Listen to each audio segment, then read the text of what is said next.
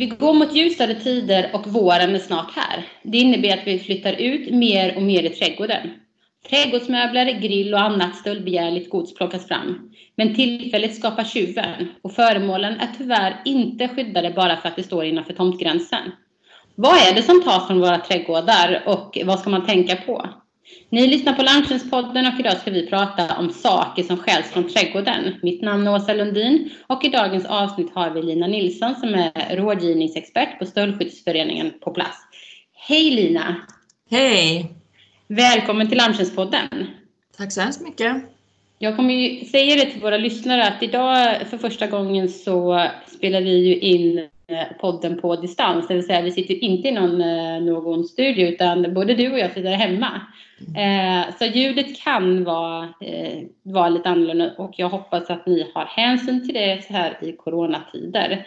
Hörru du Lina, du har inte varit med i Larmtjänstpodden tidigare så du får gärna presentera vem, vem du är. Ja, jag heter Lina Nilsson och jag jobbar ju då på Stöldskyddsföreningen som rådgivningsexpert. Jag är kriminolog från början och har jobbat med brottsförebyggande arbete mer eller mindre hela mitt liv faktiskt. Eh, idag ska vi ju då prata om, som jag nämnde i inledningen, eh, att eh, saker som stjäls från trädgården. Eh, hur vanligt är det med stölder från trädgården? Ja, de undersökningar som vi har gjort eh, och även vissa försäkringsbolag visar att det är mer mellan sådär ungefär var femte, var sjätte eh, trädgårdsägare. Men då ska man ha liksom i tanken att det är de som har anmält. Mm. Eh, jag tror att det är väldigt många fler som utsätts men att man inte anmäler just den här sortens brott. Ja, just det.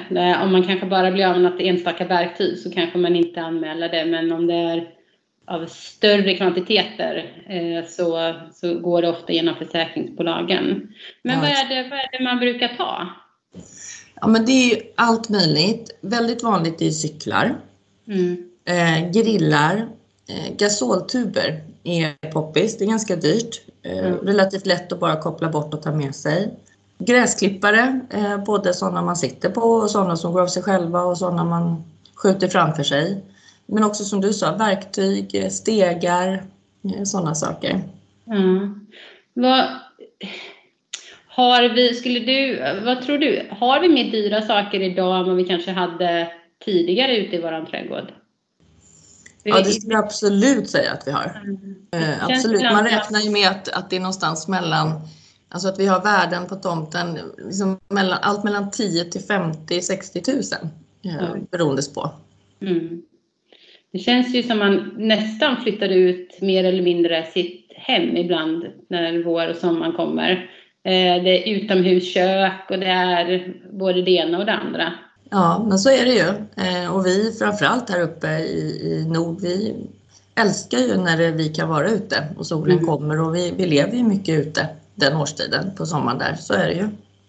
Tror du att folk är medvetna om vilka värden de faktiskt har i trädgården som man kanske inte då eh, har bevakning på hela tiden eller som man inte låser in och sådär? Det tror jag absolut inte att man har koll på. Eh, och jag tror också att man ser tomten lite som, sin, som sitt hem, liksom, att det är lite skyddat. Det är, det är, en, det är min tomt. Eh, mm. Och tänker nog inte på hur lättillgänglig den är, skulle jag säga. Eh, du nämnde, vad sa du för värden ungefär det kunde, kunde röra sig om? Ja, men allt ifrån eh, 10 till 50-60 000. Mm. Jag, jag, tror att man räknade ut något snitt från något försäkringsbolag på, på runt 13 000 eh, per tomt, men mm. att eh, det är ju bara ett snitt. Ja, jag tänker det måste vara lätt att komma upp i, i världen. Jag menar om man tittar på både de här robotgräsklipparna som, som eh, väldigt många eh, hushåll har. De, bara de går ju upp på en 10-15 000 och sen finns det grillar i eh, lite alla möjliga prisklasser eh, beroende på hur intresserad man är av det. Har, finns det någon statistik eller finns det någon eh, allmän uppfattning av när, när de här typerna av stölderna sker? Ja, det gör det. Alltså till skillnad från inbrott så kan de ju här, eh, sker ju mycket av de här när vi sover. Alltså vi är ju mm. hemma, men vi är ju inte ute. Ja, just det. Så, så därför så, så kan man inte se på det på samma sätt. Men däremot så är det klart att eh, vi kommer säkert se en förändring i år om det här fortsätter med Corona. Till exempel, mm. vi är ju hemma på ett mm. annat sätt. Eh, och en tjuv vill ju aldrig eh, bli upptäckt så att eh, det kan ju vara bra. Jag tänker om man, om man eh, tyvärr drabbas av en stöld eh, av att man har tagit grillen eller gräsklipparen eller vad det nu då är. Vad, får man, vad, gäll, vad gäller det hemförsäkringen? Får man ut pengar för detta eller måste man ha åtagit vissa åtgärder för att ens kunna få ut pengar? Vad, vad gäller för konsumenten där? Generellt så tror jag att man ska börja tänka så här att är den utan uppsyn och mm. är det så att det är olåst eh, och om man inte har någon koll, då, då, ska man nog inte räkna med tror jag att försäkringsbolagen eh, betalar ut någonting. Eh, utan jag tycker att eh, ha det som går att ha låst, alltså grillar som du säger, dyra grillar. Eh, kör in åkersklippare i, i förråd och lås in saker. Men framför allt hör av dig då till försäkringsbolaget och prata med dem. Och kolla vad, vad gäller för just mitt försäkringsbolag och för de här grejerna.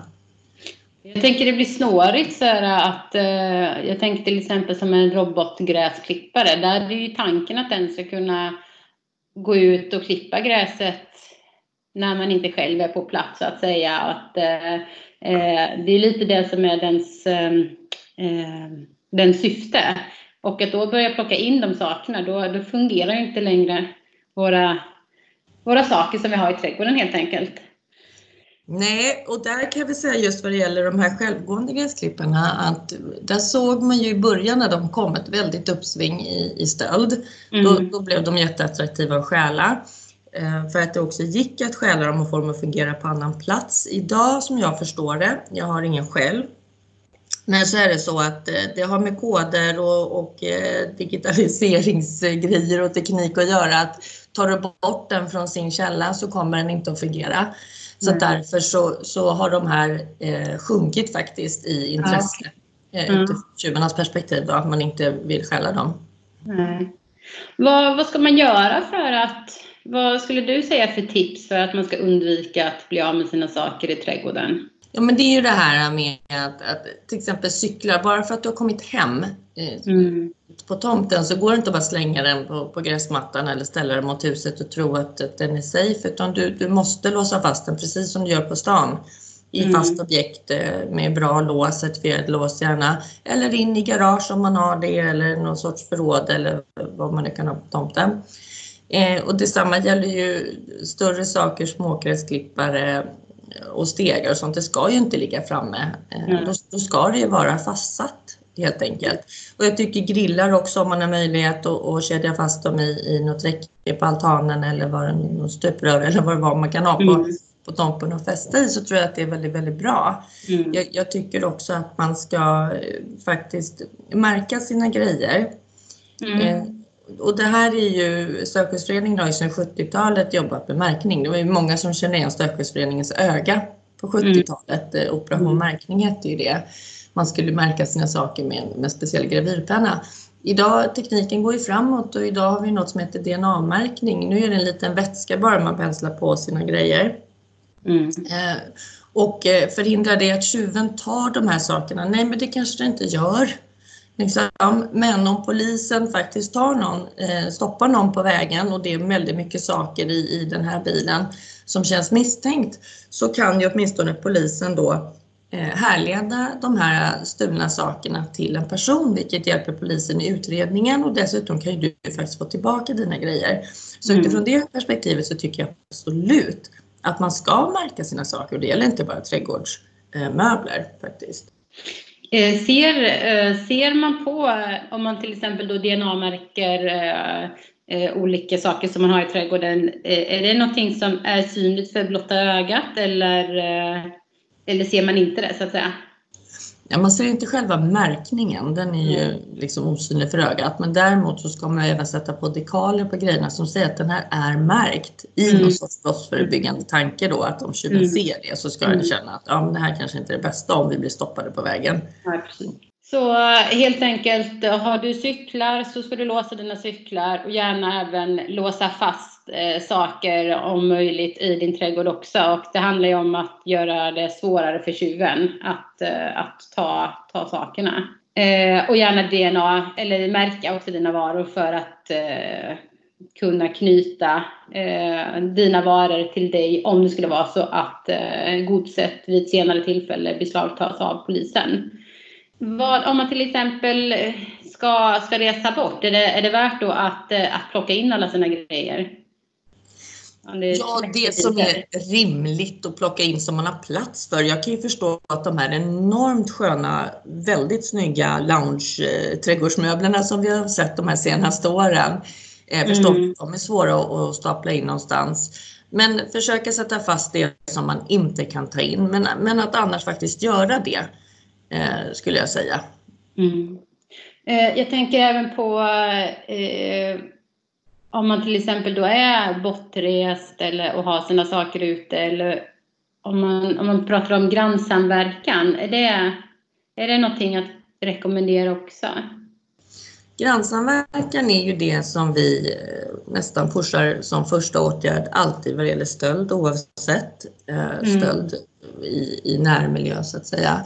Ja, det tycker jag. Alltså, som jag har nämnt förut så, så, är det ju det här med att det sista en tjuv vill, det är att bli påkommen. Mm. Att sen, man, man har gjort jättemånga studier, eh, framförallt i USA, på, på, på tjuvar som sitter inne och man ger dem mm. olika scenarion från så här är ett område, det här huset har larm, det här huset har en hund, det här huset har ditten och datten och liksom vad är det då, vad skulle du välja?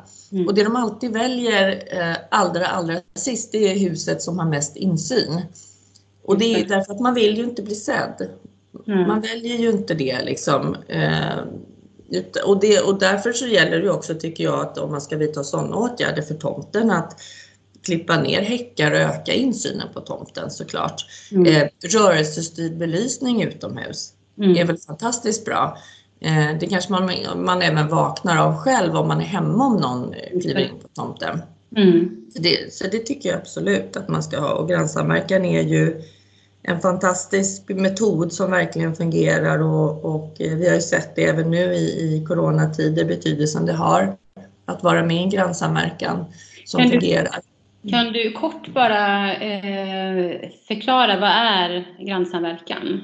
Ja, grannsamverkan är ju en metod som går ut på att grannar tillsammans hjälper varandra att ha uppsikt och att man har ett nära samarbete med polisen eh, och en speciell polis kopplad till sig som, som man då får information ifrån och som man lätt kan anmäla misstankar om brott och sånt till. Sen ringer man ju mm. alltid 112 vid pågående brott, men, mm. men eh, en ökad kommunikation mellan de boende och polisen helt enkelt. Mm. Eh, jag tänkte på, nu har vi pratat om stölder från trädgårdar, men det finns ju även de som bor i lägenheter som har sin uteplats eller sitt uterum så att säga med en balkong. Eh, är det vanligt med stölder från, från balkonger? Det är inte jättevanligt. Eh, mm. Det som förekommer är framförallt de som bor på nedre botten. Som har ute. Ja absolut, där stjäls det ju Uh, inte lika mycket som i trädgård för det är svårare att komma in på bakgårdar och så ska du bära ut grejerna så det är lite krångligare. Du har ju lite fler folk som också dessutom kan se dig. Uh, och, uh, men, men inte liksom på så här, tredje, fjärde våningen eller så att det skulle på något sätt vara attraktivt att klättra upp på. Nej. Mm. Är för stor insats kanske från, från tjuven. ja. Svårt att se vad som är där också. Ja. Lina, jag tänkte innan vi avslutar, eh, är det någonting eh, utöver det som vi inte har pratat om som du skulle vilja, vilja flagga för eller skulle vilja, vilja nämna innan vi avslutar? Nej, det är väl bara att ta med sig att, att trädgården är så himla öppet bara. Att, att verkligen tänka till att det inte är, det här är inte mitt hem som man kanske önskar att det skulle vara. Utan det är en tomt. Mm. Eh, Och den är lätt att ta in på. Mm, precis. Tack Lina för att du, för att du var med idag. Eh, ja, det var roligt. Ja. Ni har hört Larmtjänstpodden som är en podd från Larmtjänst som är en branschorganisation för sakförsäkringsbolagen med syfte att bekämpa försäkringsrelaterad brottslighet. Dagens gäst var Lina Nilsson och jag heter Åsa Lundin. Dela gärna podden i alla era sociala kanaler så tackar jag för att ni lyssnade och hoppas att vi hörs igen. Tack!